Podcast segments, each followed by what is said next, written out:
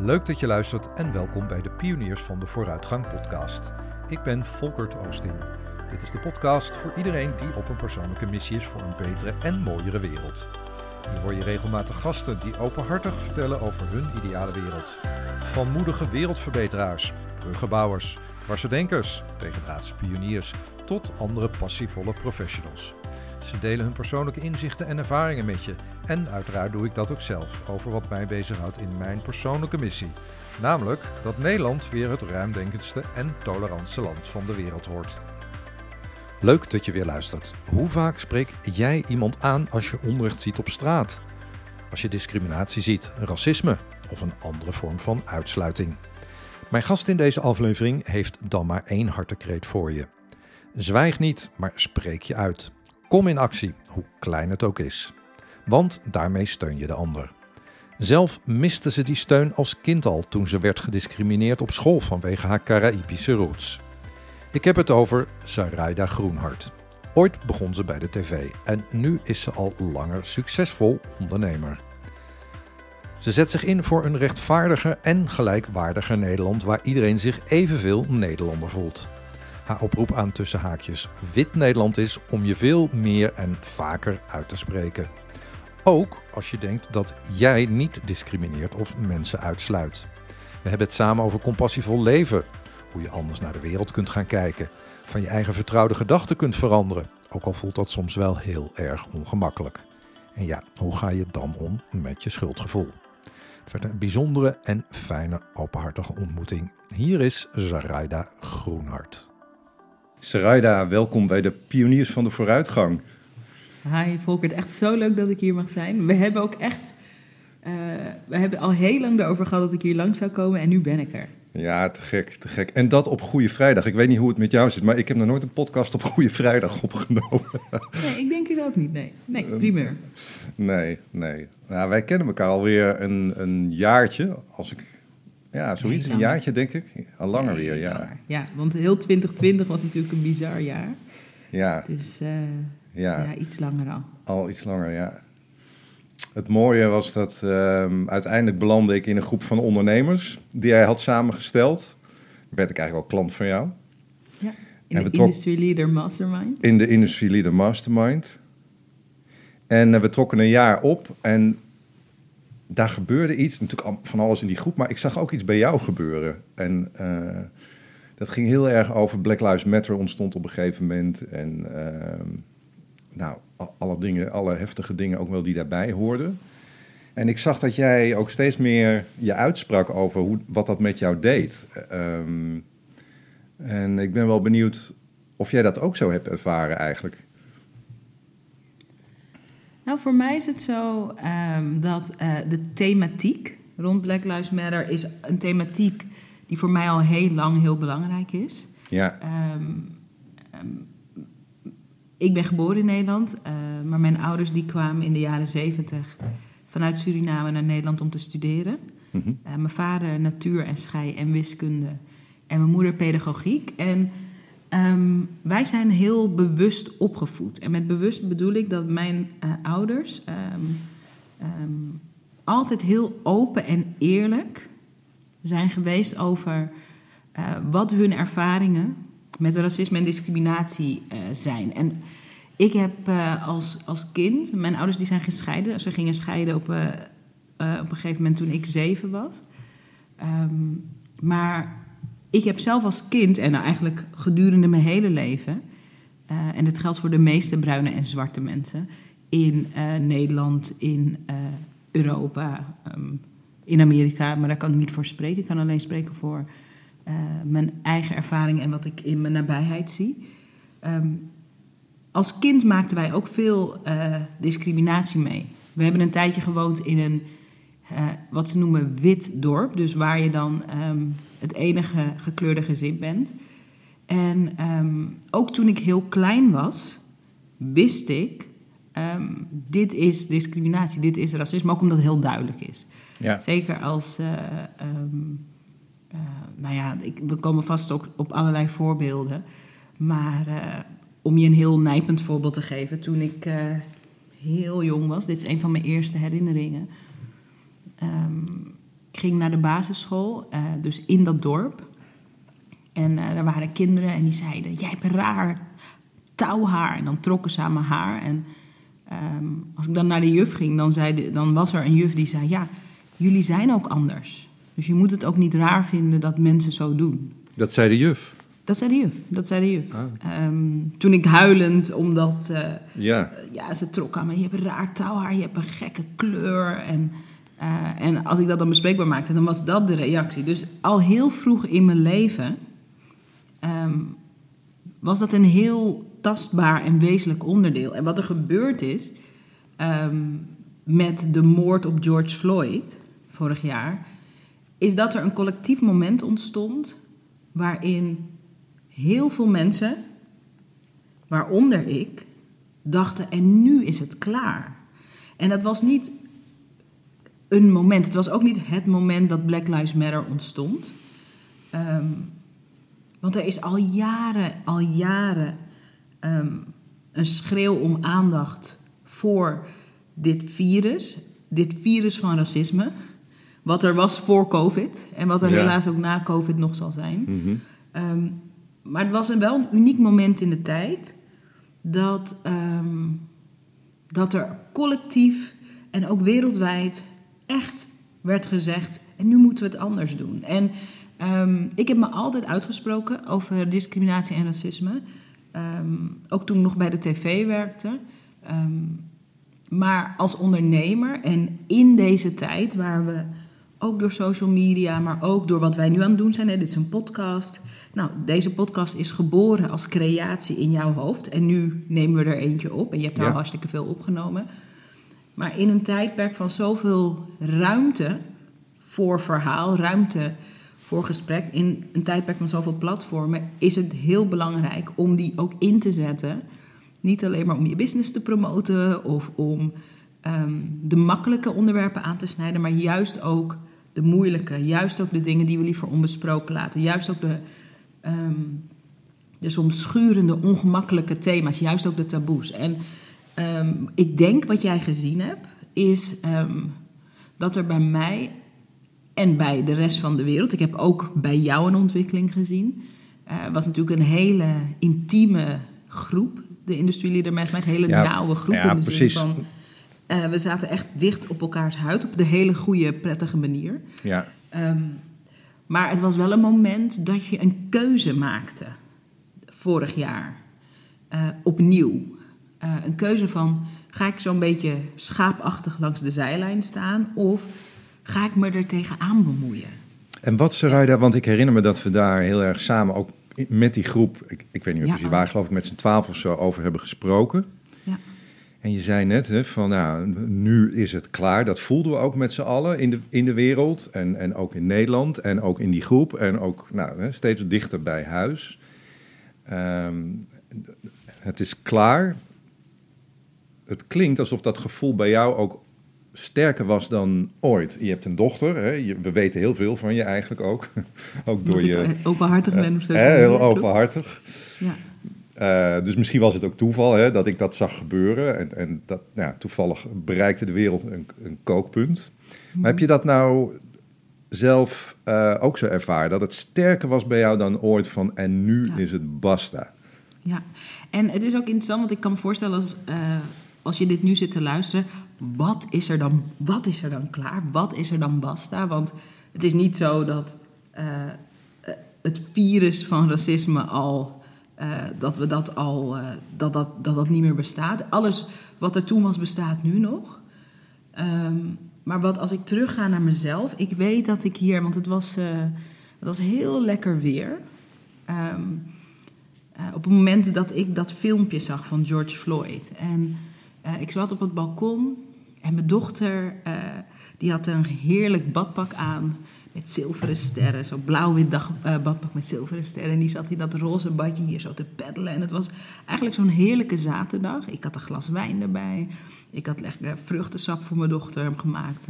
Zo heel idyllisch eigenlijk. En ik zag dat filmpje voorbij komen. En eerst bijna instinctief wilde ik er niet op klikken. Ik wist nog niet wat ik zou zien, maar ik ken je dat gevoel dat je. Ik durfde er haast niet op te klikken. En, ehm, ik deed dat wel. En ehm, wat, wat ik daar zag, en het is, dat is misschien ook belangrijk. Eh, het filmpje van George Floyd, hè, een zwarte man die wordt omgebracht door eh, de politie. Er zijn heel veel van dat soort filmpjes.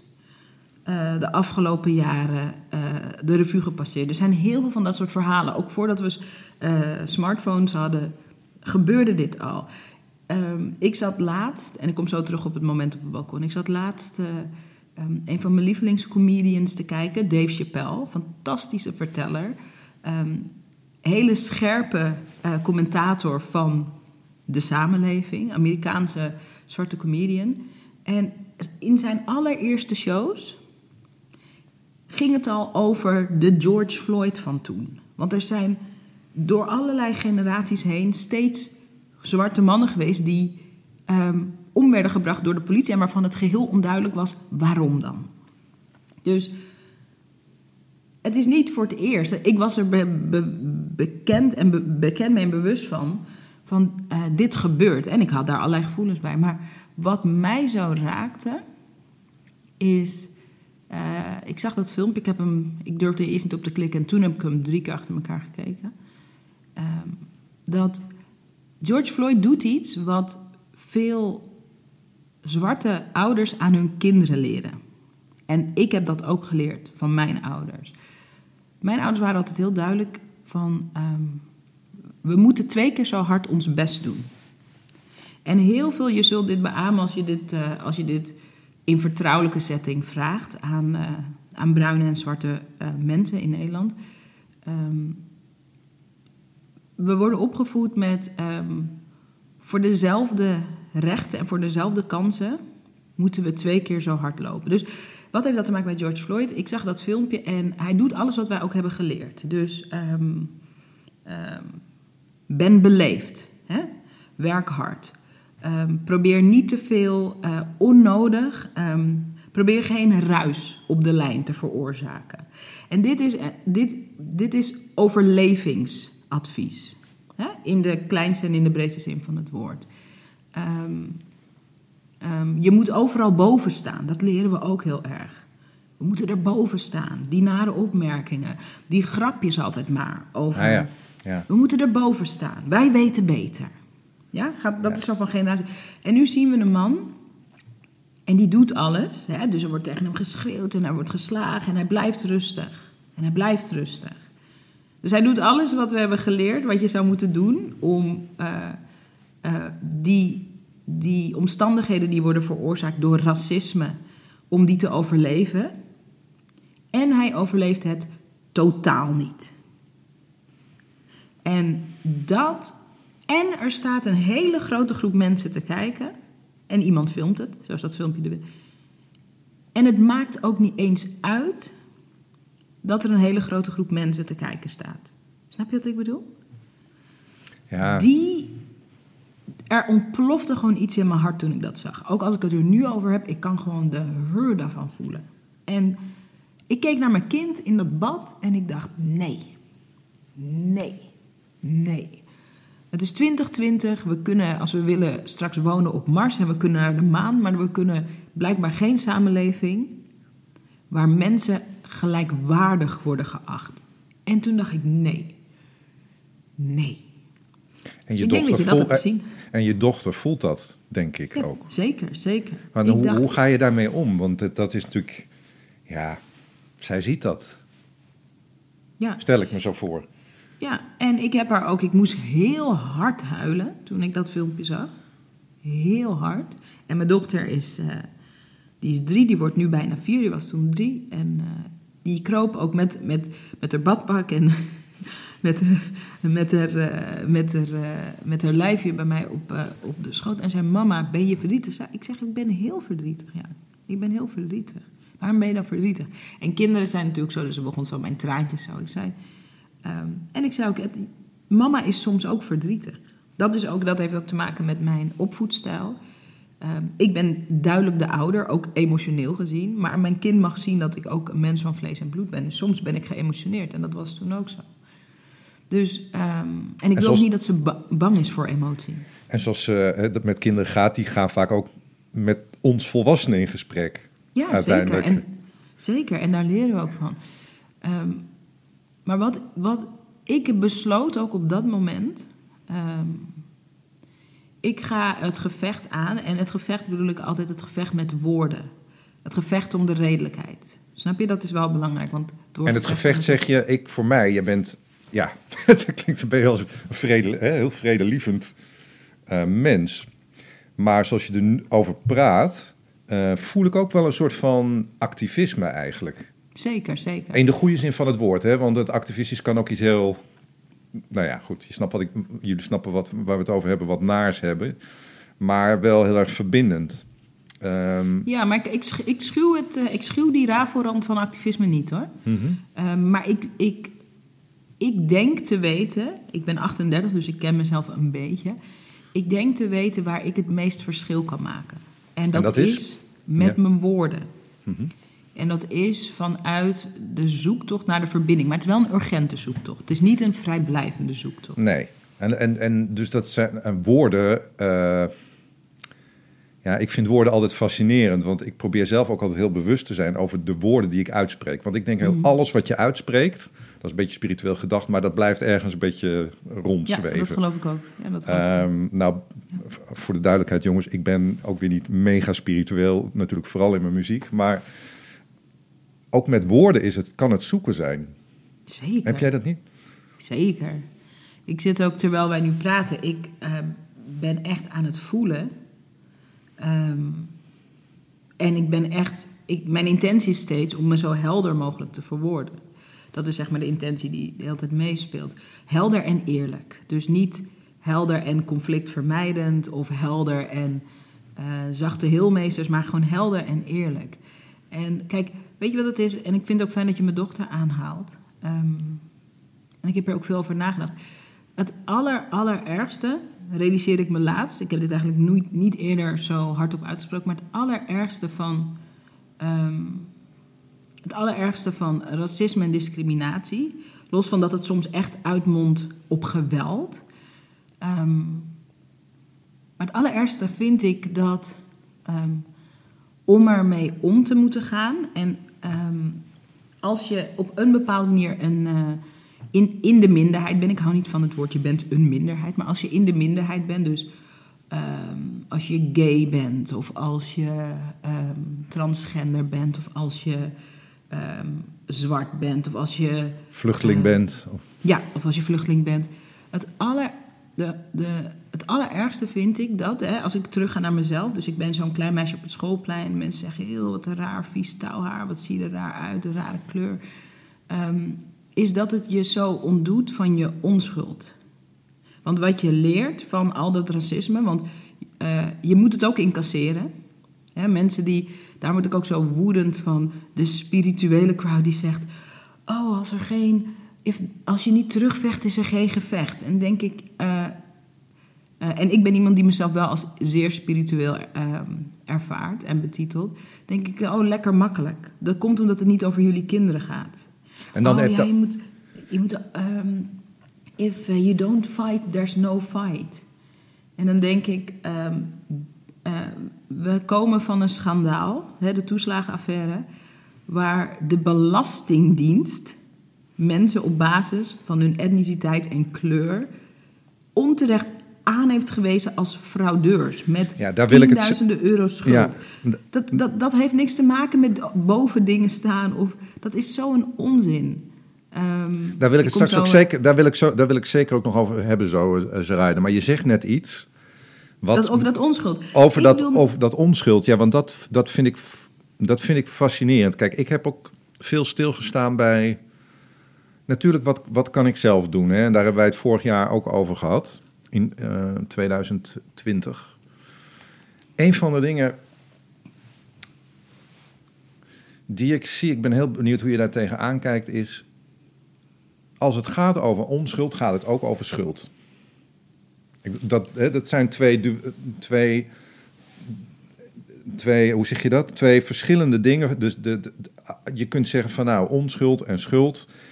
Ehm, ik zoek nu even naar mijn woorden hoor. Die, die horen, dat, hoe zeg je dat nou? Dat zijn de, de je hebt een medaille en twee, kanten. Twee, Ja, twee, de twee weerszijden van de medaille. Ja, nou.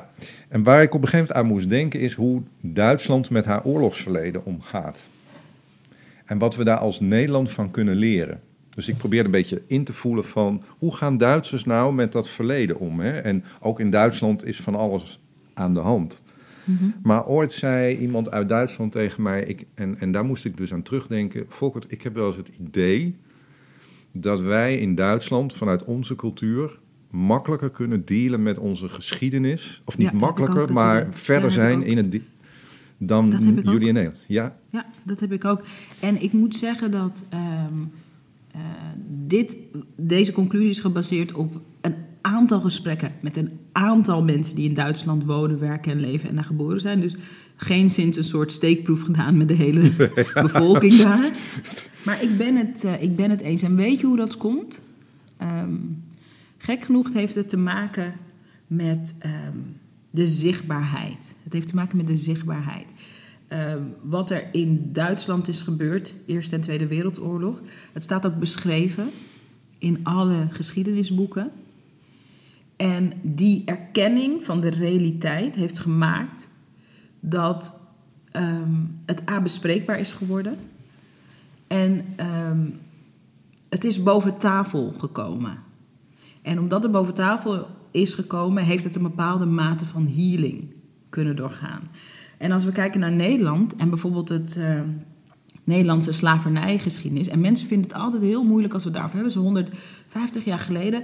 Maar mensen weten helemaal niet dat het land Suriname had helemaal niet bestaan in deze vorm en in deze structuur als de slavernij, als de slavernij en verleden en de rol die de Nederlanders daarin hadden, als dat er niet geweest was. Dus al die mensen die je hier ziet, die bruin en zwart zijn en die van Suriname zijn, van Caribische afkomst zijn, die zijn een directe herinnering en een direct resultaat van dat verleden. Dus als dat niet bespreekbaar mocht worden, hè, we hebben het in de industriële vaak gehad over zichtbaar versus onzichtbaar, dan zijn we in een soort ontkenning. En dit is maar één stukje. Hè. Kijk, als ik terug ga naar wat ik bedoelde met onschuld met mijn dochter. Kijk, jij bent een muzikant. En je bent een creator. Ik ben ook een creatief en een ondernemer. Jij ook.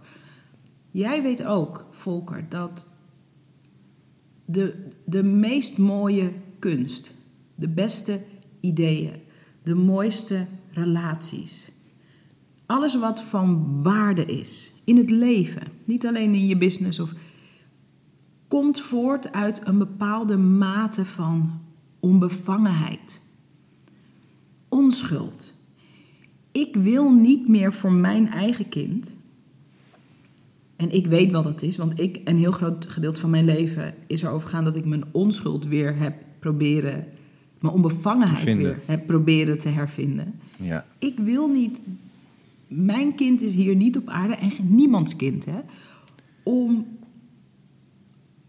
ehm, als het ware in een soort, ehm, met een soort harnas om, emotioneel, om maar tegen al die kleine en grote vormen van racisme te kunnen. Vroeger als ik een winkel inging, toen ik in Horen woonde, dat was niet dat kleine dorp, maar daarna woonde ik in een kleine stad. Altijd als ik een winkel inging, er komt meteen een, eh, er komt meteen een bewaker achter me aan om te kijken of ik niks bij de make-up ga pikken. Ehm, totdat ik bij de tv werkte, tot ik bij BNN werkte. Altijd als ik op Schiphol ergens naartoe vloog, ik moest bijna altijd mijn tas openmaken. Ik dacht dat iedereen altijd zijn tas open moest maken als je vloog. Totdat ik iets ouder werd en bij BNN ging werken, toen werd ik bekender. En met verschillende soorten mensen op vakantie ging. En toen kwam ik erachter dat, ik, dat Nederlandse vriendinnen van mij nog nooit hun... Ik zo, nog nooit? Zij tegen mij, altijd? Ik zo, ja, altijd. Want bolletjes slikken Suriname. Dus Ja. al die kleine speldenprikjes van eh, onrecht... maken dat je, om dat te kunnen doorstaan, moet je hard worden. En ik wil niet voor mijn kind dat ze hard moet worden. En hoe doe je dat, Sarayda? Want dit, weet je, dit komt ook bij mij binnen. Het, dat lijkt me echt, echt ehm, een hele reis om die onschuld waar je het over hebt, dan toch te, te, te, te laten jij had het over hervinden te laten ontstaan weer. Hoe ver ben je daarmee? Ik ben er elke dag mee bezig. Weet je hoe het Ja. eruit ziet, Volkert? Vanochtend, vanochtend nog. Vanochtend, eh, mijn dochter eh, eh, gaat naar de crash. We wandelen. zij met haar, met haar poppenwagen en haar poppetje erin. Bruin poppetje met kroeshaar. Mooi. Ehm, mijn dochter zegt tegen iedereen die ze tegenkomt op straat: Hallo, hoe heet jij? En omdat we ook in een gehaaste tijd leven en mensen, eh, gebeuren, mensen zijn ook in de stress, ik denk ook vanwege corona en alles, weet ik veel wat, lockdown. Ongeveer maar 25% van de mensen waar zij hallo tegen zegt, zegt iets terug, überhaupt tegen een kind. Omdat mensen gewoon heel erg in hun eigen wereld zitten. Elke keer als iemand niet iets terugzegt, dan stop ik en dan ga ik hurken en dan zeg ik tegen haar: Wat geweldig dat jij hallo zegt. Niet iedereen zal altijd terug hallo zeggen. Sta je er nog achter, ze is drie jaar, sta je er nog achter dat je hallo zegt? Vind je het nog leuk? Zeg ja, mam, ik vind het zo leuk. Zeg, Fantastisch. Goed zo, goed zo. Je mag altijd hallo zeggen. Het maakt niet uit hoe mensen reageren, je mag altijd hallo zeggen. Dus, hè, dus dat thema van ik, ik, ben als, ik ben er echt als de guardian van haar onschuld, zo zie ik dat ook. Is ik probeer haar, ehm, en dat doe ik zeg maar in mijn business ook met de video business schools, met industrie. Ik probeer haar te leren dat, dat, dat er space is voor haar. Ongeacht wat, ongeacht of de wereld dat bevestigt of niet. Ze mag er zijn. Als ze hoi wil zeggen, dan zegt ze hoi. Een ander klein ding, om je voorbeeld te geven, is dat ehm, mijn dochter die houdt heel erg van honden. En ik ben een beetje bang voor honden. en eh, mijn dochter is echt zo, als ze een hond ziet... Ja, ja, ja. Ja, ja, ja, ja. ja. Ik leer ook van Ik- haar. Ja, want- ja ik, ik hoor die hond blaffen nu. Ja. Ja. Als ze een hond ziet, zegt ze: Mama, een hond, mag ik hem? Ah ja. en mijn afspraak aan mezelf is: ehm, ik ga dat dan altijd vragen aan de mensen. Ik zeg: Mijn dochter houdt erg van honden. Ehm, vindt u het goed dat we uw hond even aaien? En, en vaak zeggen mensen, met hondeneigenaars zijn over het algemeen ook fijn. Vaak zeggen mensen, ja, soms zeggen mensen ook nee of geen tijd. Of soms zeggen ze van, nou, hij, hij houdt niet zo van kinderen, de hond. En dan, dan eren we dat natuurlijk. Maar ehm, dat is ook zo'n voorbeeld. Ik ben zelf een beetje bang van honden. Maar ik weet dat die, die natuurlijke verbinding die ze dus voelt met mensen, maar ook met dieren. Ik probeer daar gewoon space voor te maken. Dus gaan we zitten. We hebben nu geleerd, want dat heb ik dan geleerd van een vriendin van mij die een hond. Ik zo, oh, hoe doe je dat? Je moet je hand uitsteken en je moet die hond de kans geven om even aan je hand te snuffelen. Dus ik leer ook van mijn dochter daarin. En ehm, in, mijn, als, in mijn tijd, en mijn moeder is ook een heel bewust iemand, maar in mijn tijd, mijn moeder zou dat niet doen. Vanuit nog, hè, de jaren tachtig waren ook nog een stukje erger.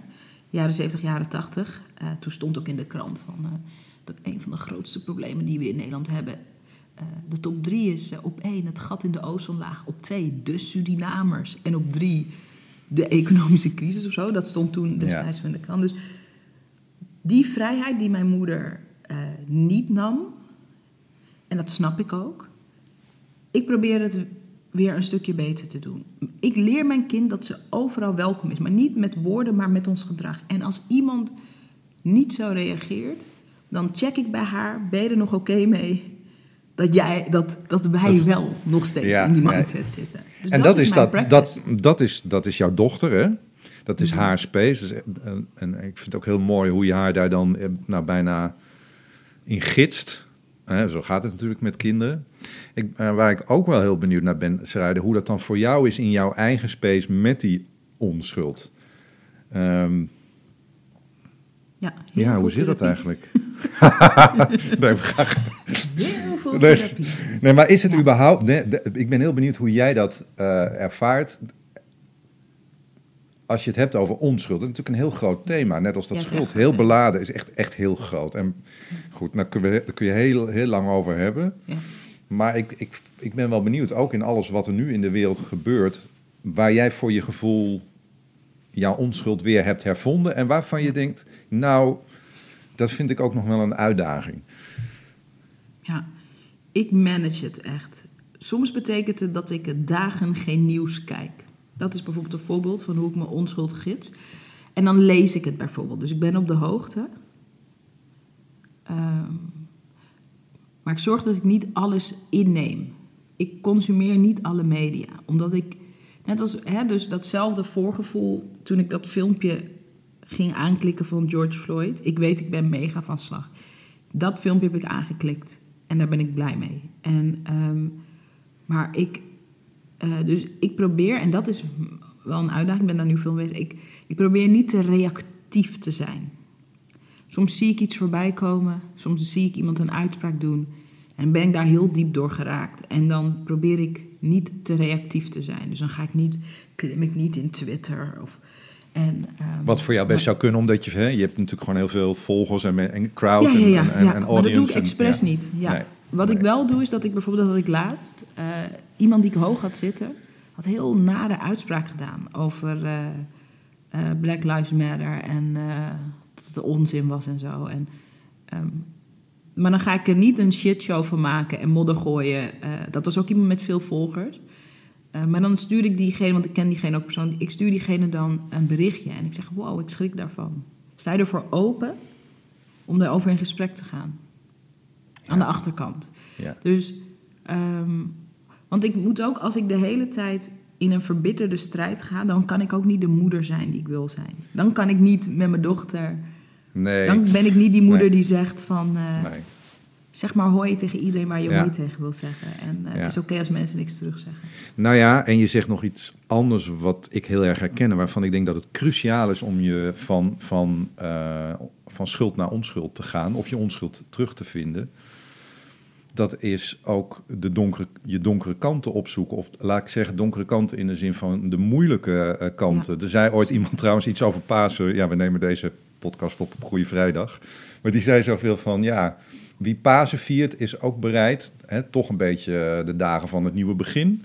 Die is ook be bereid om uh, de donkere kanten onder ogen te zien.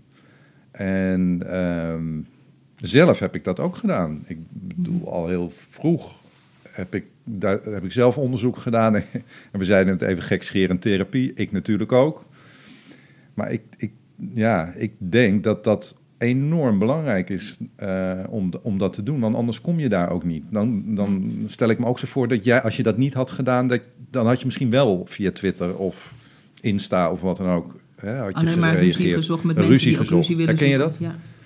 Ja, zeker. Kijk, het is... Um, um, en dat is ook... Ik vind het ook interessant wat je zegt. Laat even goed op me inwerken. Uh, het vraagt heel veel zelfbewustzijn om op een punt te komen, en dat is dus werk wat je eigenlijk altijd aan jezelf te doen hebt, om te bepalen hoe wil ik, hoe wil ik ten tonele verschijnen in, in een moeilijke discussie, in, een, in, een, in iets wat, wat heftig is en wat je ook belangrijk vindt. Hoe wil ik? Wat, wil, wat is mijn intentie?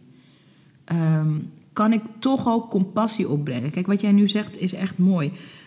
Um, ik krijg ook racistische um, berichten, ook, ook in mijn inbox. En in, tuurlijk, ga terug naar je eigen land, oh, kutnegers of weet ik veel wat allemaal. En dit klinkt heel raar. Maar ik zie dat en ik voel ook een soort compassie, omdat ik denk... Uh, je moet, ook op een bepaalde, je moet ook op een bepaalde mentale plek zijn. En I don't think it's a great space. Om zo tegen anderen te praten. Ja, oh ja. En um, wat niet betekent dat ik niet ook een stevige discussie met zo iemand aan kan gaan. Maar ik laat me niet verleiden tot uh, bullying. Ik ga je niet bullyen, maar ik ga ook niet.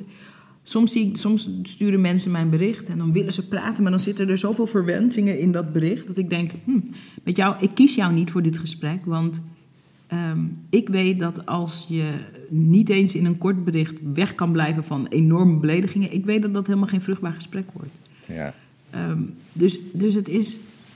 Maar ja, wat is het doel? Kijk, wat ik wil. Um, wat ik wil voor Nederland. Hè? Ik ben ook een Nederlandse burger. Ik mag ook iets willen voor Nederland. wat ik wil voor Nederland is dat dit een plek is. We zijn een hartstikke welvarend land. Die welvaart is op allerlei manieren opgebouwd. Die welvaart komt ook voor een deel uit het slavernijverleden. ehm, iedereen die hier is, mag hier zijn. En ik wil dat we loskomen van dit idee. Kijk, als je er echt Welk over idee komt? Je zei loskomen van het idee. Ja, van het idee dat, dat bepaalde Nederlanders meer Ne- dat jij meer Nederlander bent.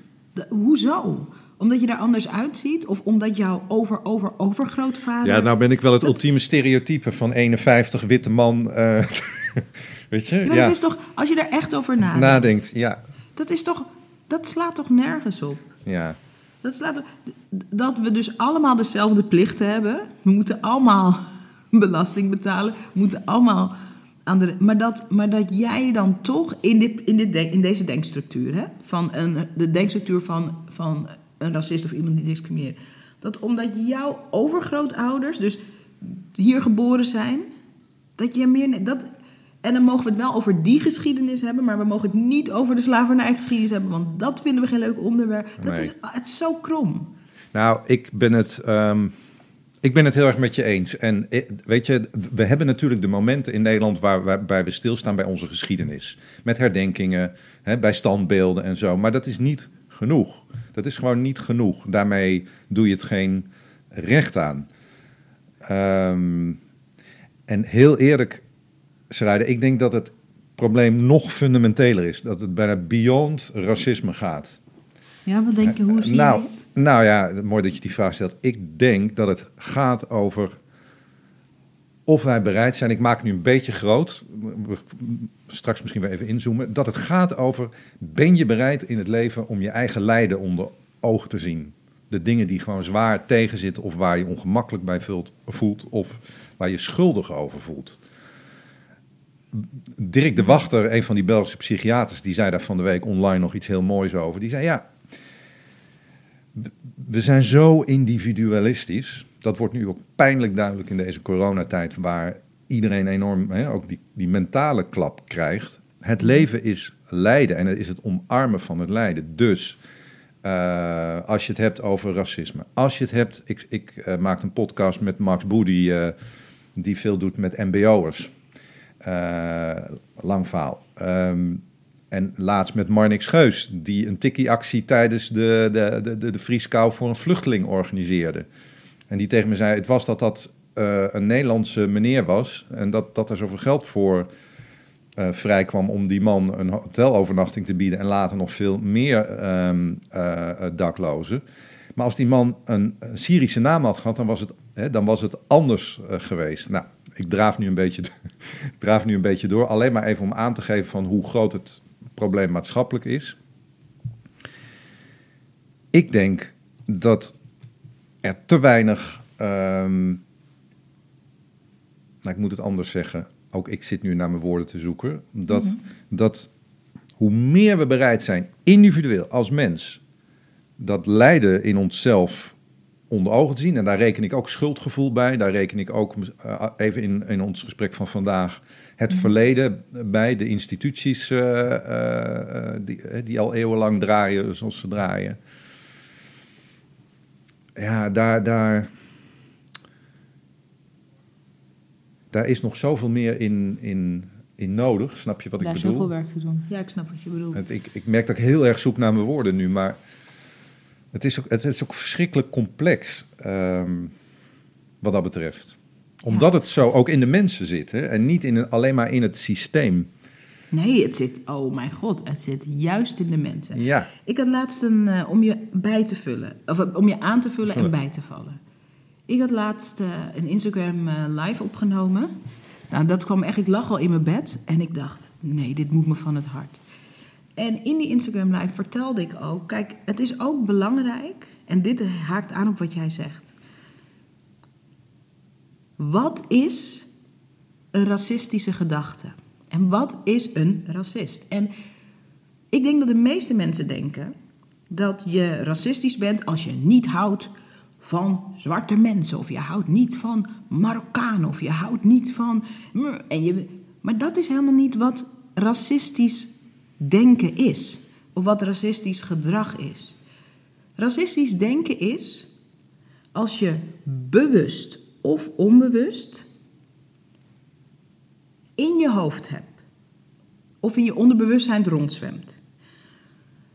Dat verschillende rassen van mensen, en dat hele woord slaat nergens op, maar oké, verschillende rassen van mensen, dat daar een hiërarchie in is. Dat er bepaalde mensen slimmer zijn, biologisch, dan andere mensen. Of dat er bepaalde mensen betrouwbaarder zijn, biologisch, dan andere mensen. Of dat er bepaalde mensen heel goed zijn in sport, maar ja, uh, trainer worden. Hmm. En als je snapt dat een racist of iemand met racistisch denken uh, hartstikke goed getrouwd kan zijn met iemand van een andere cultuur, hartstikke goed vrienden of vriendinnen kan hebben met ieder, iemand van een andere cultuur, um, helemaal geen hekel hoeft te hebben aan andere mensen en hun cultuur, maar iemand die bewust of onbewust er toch in gelooft dat er een raciale rangorde is. Dat is wat racisme is. Dat is hoe de hele huidige maatschappij. Als we kijken, ik lees nu bijvoorbeeld een prachtig boek uh, over het ontstaan van New York. En New York was natuurlijk eerst Nieuw Amsterdam. Um, en de Engelsen en de Nederlanders zaten daar. En dat speelde dan in 1600 en 17. Het is echt een heel mooi boek. Het is de geschiedenis van een stad, maar verteld in romanverhaal met, met, met verhalen van mensen. Het is echt niet moeilijk om in een geschiedenisboek te vinden gedachtegangen over dat de neger, ik haat dat woord, want waar komt een neger vandaan? Ja. Een Aziat komt uit Azië, mhm. een Afrikaan komt van het Afrikaanse continent, een Europeaan komt uit. Waar komt de neger vandaan? Zo'n woord wat is bedacht voor een hele grote groep mensen, ehm, gebaseerd op uh, een uiterlijk kenmerk. Het is echt niet moeilijk om terug te vinden in allerlei boeken, in allerlei verhalen, in popcultuur, dat het idee is dat de neger ehm, bepaalde dingen goed kan, fysiek werk goed kan, maar voor sommige dingen nee, daar kan je. En dat, dat is racisme. En de uitnodiging is, en dat is wat jij net mooi zegt, is jij moet, en met jij bedoel ik iedereen die luistert, maar ook ik, Sarayda, ook Volker die de vragen stelt vandaag. Je moet bij jezelf nagaan, als je durft, it's not gonna be pretty, dat kan ik je alvast vertellen om je te bedenken, betrap ik mezelf wel eens op gedachten die dit, wat Rijda zegt, die raciale hiërarchie, die dat onderstrepen. Dus als een politicus zegt, uh,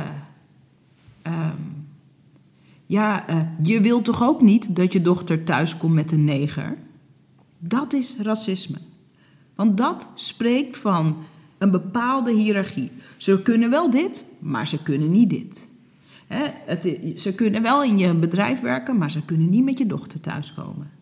Of als een populaire uh, talkshows van een voetbalprogramma zegt: Ja, nou, eh, voetballen kunnen ze wel, maar trainen, hmm, dat kunnen ze niet. Over donkere spelers. Dat is puur racisme. Ik zeg niet dat hij een racist is, ik zeg dat is puur racisme. En dit is een onderzoek wat heel weinig mensen aandurven. Want stel dat je precies. erachter komt dat je racistische gedachten hebt. Ja, ja, en, ja. en ik ga je vertellen, waarschijnlijk heb je racistische gedachten. En precies wat je zegt, Volkert. We komen ook met z'n allen collectief van een paar honderd jaar dat de hele wereld zo ingedeeld was. Ik zat vandaag nog, ik, dat boek ligt hier, ik kan het zo pakken. Ik zit echt net voordat we ehm, voordat we dit gesprek ingaan, zit ik te lezen. En uh, dat gaat dus over New York in 1600. Het uh, gaat over een Nederlands gezin en een Engels gezin in, in, uh, in New York, in Manhattan. En um, daar, wordt ook, daar is een gesprek tussen twee karakters die zegt... Um, um, ja, dat um, negers, nogmaals, ik haat dat we negers verhandelen op de, op de, op de, mar op de markt, de slaapmarkt, is eigenlijk niet goed. Maar ja, het zijn maar negers. Dat, ik lees het net. het is overal. Dus ik word ook zo verdrietig en ook boos van met name die spirituele community, die geen kleur ziet. Ik zie geen kleur. Ik zie geen kleur. Voor mij is iedereen dit is een probleem, ik zie geen kleur. Als je hier niet het aantrekt, dan is het er niet. Dat is gewoon ontkenning. En de ergste dingen in de geschiedenis van de wereld hebben kunnen gebeuren omdat er een hele grote groep super bereid was om allerlei dingen te ontkennen. Maar ook ehm, zet, zet een film op. Luister naar muziek. Het zit overal in. Lees Ja. een boek. Het Ja, zit nou, overal. ja, die raciale rang, rangorde, die het is overal. Dus tuurlijk zit het ook in jou en in mij. En het is, de uitnodiging is precies wat jij zegt. Word eerlijker tegen jezelf. Eerlijker, en ik denk dat daar één vraag echt cruciaal bij is. Ik denk met elke keuze die je maakt in je leven, dat je ook iets uitsluit. Mooi. Elke gedachte Mooi. die je hebt, sluit ook een andere gedachte uit. Interesting, ja, mooi. Ehm, ik heb, en, en ik heb het ook zakelijk, eh, daar hadden we het nog over voordat we de opnameknop aanzetten. Heb ik het mee, recent meegemaakt dat ik een talent van mezelf, ehm, bijvoorbeeld op het gebied van communicatie, heb uit, uit- uitgesloten. Maar daarmee ook een deel van mezelf. Dus welke keuze maak je en wat sluit die keuze uit? Als je die vraag bereid bent om te beantwoorden, dan dienen zich heel veel nieuwe antwoorden aan. Maar dat is wel, zoals je zegt, een confrontatie. En die confrontatie, eh, ja, dat vraagt ontzettend veel moed. En ik hoor jou Ja, ook zeggen, lef. dat, en lef. En weet je, Sarayda, ik ben ook wel heel erg bezig van hoe kan ik nou, en dat ben jij ook, weet ik, hoe kan ik hier nou iets aan doen? Mijn podcast heet Pioniers van de Vooruitgang. Jij bent op een missie voor een rechtvaardige wereld. Eh, hè, als ik het even samen mag eh, eh, vatten. Ik ben heel erg ook op een soort van ehm, missie om mijn steentje bij te dragen aan een ruimdenkender, menswaardiger wereld. Nou, gaat eigenlijk hè, bijna misschien wel over hetzelfde. Wat kan ik nou nog meer doen? Wat kan ik nou nog meer doen dan, dan, dan deze podcast maken of eh, nou, zijn, ook- hè, met muziek doe ik, ook wel, eh, doe ik ook wel het nodige. Heb jij, je- heb jij ook wel eens dat je jezelf die vraag stelt van... ik heb mijn bedrijf, ik ben ondernemer. Ehm, ik spreek me uit, ik toon daarin leiderschap. Wat kan ik nou nog meer doen daarbuiten om, eh, eh, ja, om, om, om, om dit ter discussie te stellen? Ja. Eh, ik stel mezelf die vraag, die vraag heel vaak. Eh, het antwoord is voor ons beiden en voor iedereen die luistert: we kunnen nog veel meer doen. Ehm, echt nog veel meer.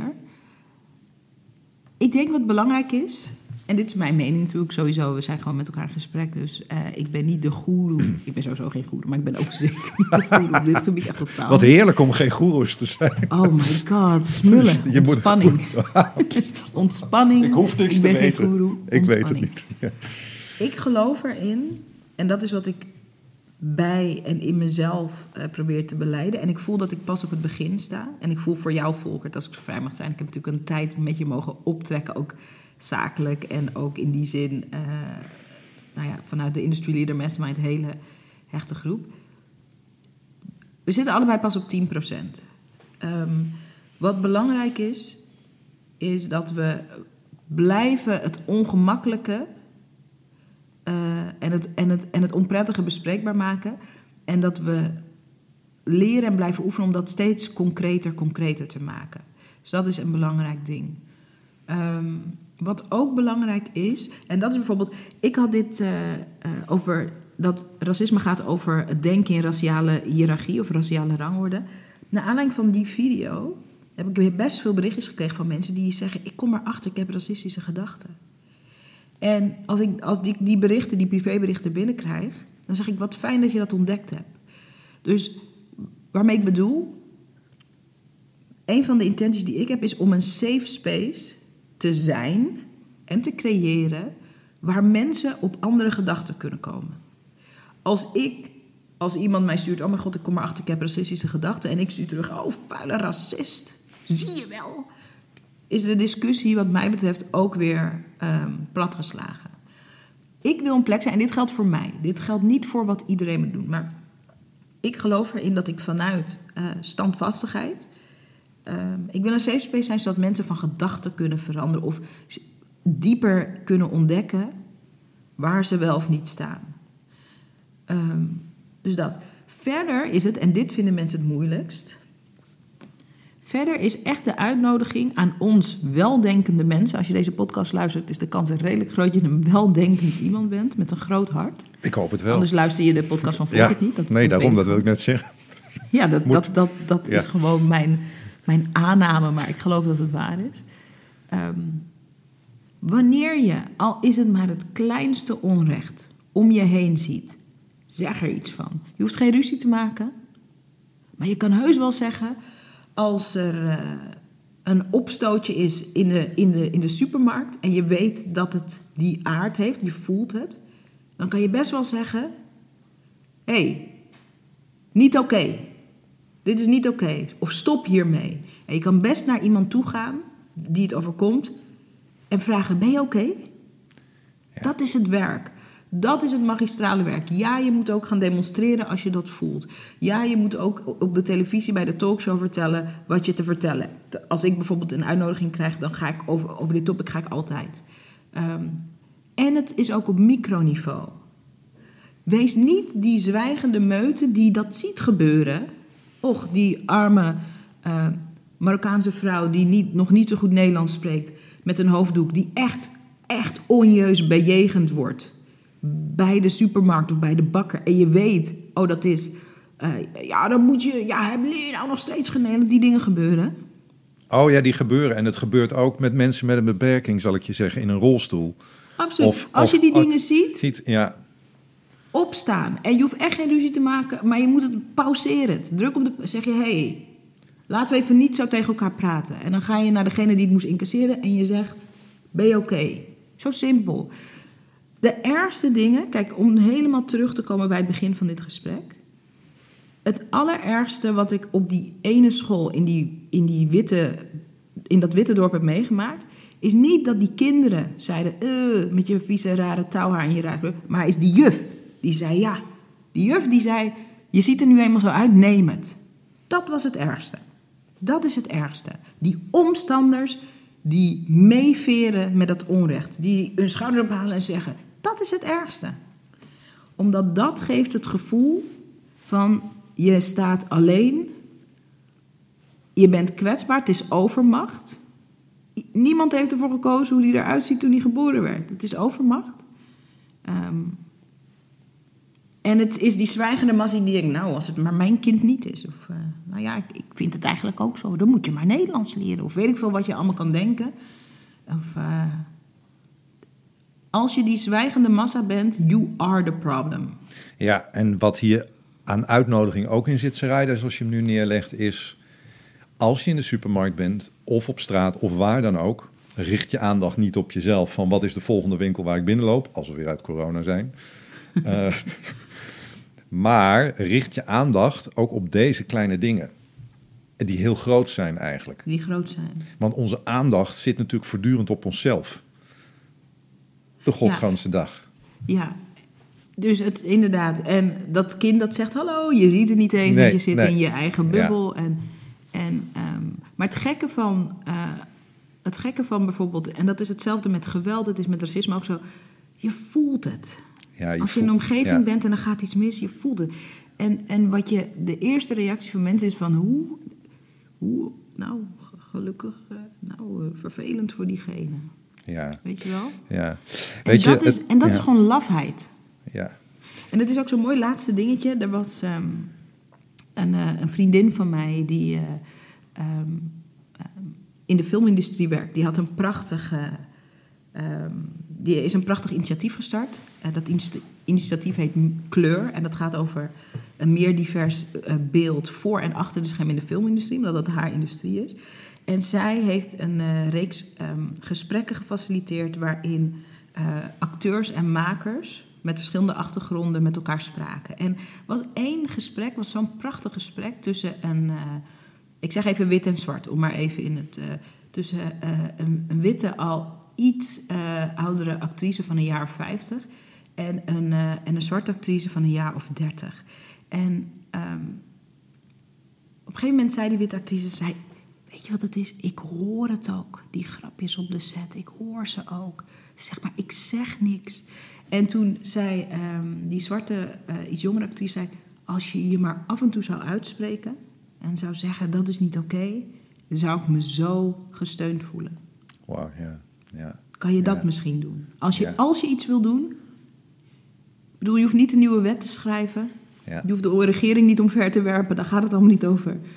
Als je dat kan doen, consistent, hè, dan ben je een baken van veiligheid en licht voor de mensen om je heen.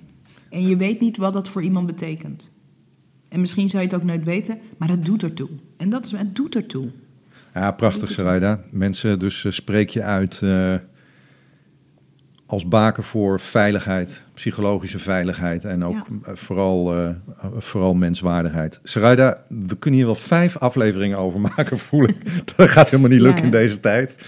Eh, het, is zo, het is zo belangrijk. Ik geloof enorm ook in de kracht van dit delen. En jij als geen ander, dat hoef ik jou al helemaal niet uit te leggen. Maar ik voel ook dat dit gesprek niet ja, vaak genoeg gevoerd kan worden. Ik zelf word ook altijd uit elke podcast wat wijzer. Ook door zelf Mooi. dingen uit te spreken. en zeker. uiteraard ook door naar jou te luisteren. Wat ik nu meeneem is... eh, ik zei net van dat omgaan met dat schuldgevoel... Dat, weet je, dat is gewoon super belangrijk. En in ons gesprek nu realiseer ik van... Ja, eh, eigenlijk zou ik iedereen willen aanspreken van... Goh joh, voel jij je wel eens ergens schuldig over? En waar gaat het, waar, waar gaat het eigenlijk over? Hè? Eh, Mooi. Zou een mooie reeks ook zijn. dat, zou, dat zou een mooie eh, reeks zijn. Ik wilde eigenlijk dezelfde vraag aan jou stellen. Van wat, neem jij, wat neem jij uit ons gesprek mee vandaag? Nou, wat ik heel mooi vond, ehm, en dat is ook het mooie van in gesprek gaan, hè, dat je Video Business School, eh, mijn videoacademie, noemen we dat het, het zelfverhelderende principe van video, maar het geldt ook voor podcast. Je krijgt dingen inderdaad ook zelf helderder als je praat over dingen. Ehm, wat ik heel erg meeneem, is dat thema wat we hebben aange- aangeraakt met onschuld. En ehm, Ehm, ik vind het ook heel mooi. Jij hebt, ik weet niet, je hebt de ruimte gecreëerd. Het is een heel ongrijpbaar thema, maar we hebben het toch op een hele tastbare manier kunnen bespreken. En dat is omdat jij die ruimte hebt gecreëerd hier in de podcast. En het is even een soort, voor mij, dat thema staat even in neonlicht nu boven mijn hoofd voor mijn gevoel. Dus als wij straks eh, eh, op de stopknop drukken, dan neem ik de rest van de dag en ik denk de komende week, weken dat thema van eh, kunnen we onze onschuld, ehm, kunnen we ruimte maken voor onze onschuld, de onschuld van anderen, elkaars onschuld, de onschuld van onze kinderen, kunnen we dat, kunnen we dat eren en kunnen we dat belangrijk maken? Dus dat is wat ik meeneem als thema meer. Ja, mooi. Mooi. Dankjewel, Sarayda. En als jij nu ook iets meeneemt uit, dit, eh, uit deze podcast, laat het, eh, laat het ons weten. Laat het vooral ons weten. Laat het mij weten. en la- laat het ook eh Sarayda weten. Want zoals net gezegd, dit gesprek kan niet vaak genoeg gevoerd worden. Sarayda, dankjewel. En jij ook voor het luisteren. Jij ook, Volkert. Ik vind het zo cool. Even, even, even nog even wat compliment. Ik vind het zo cool.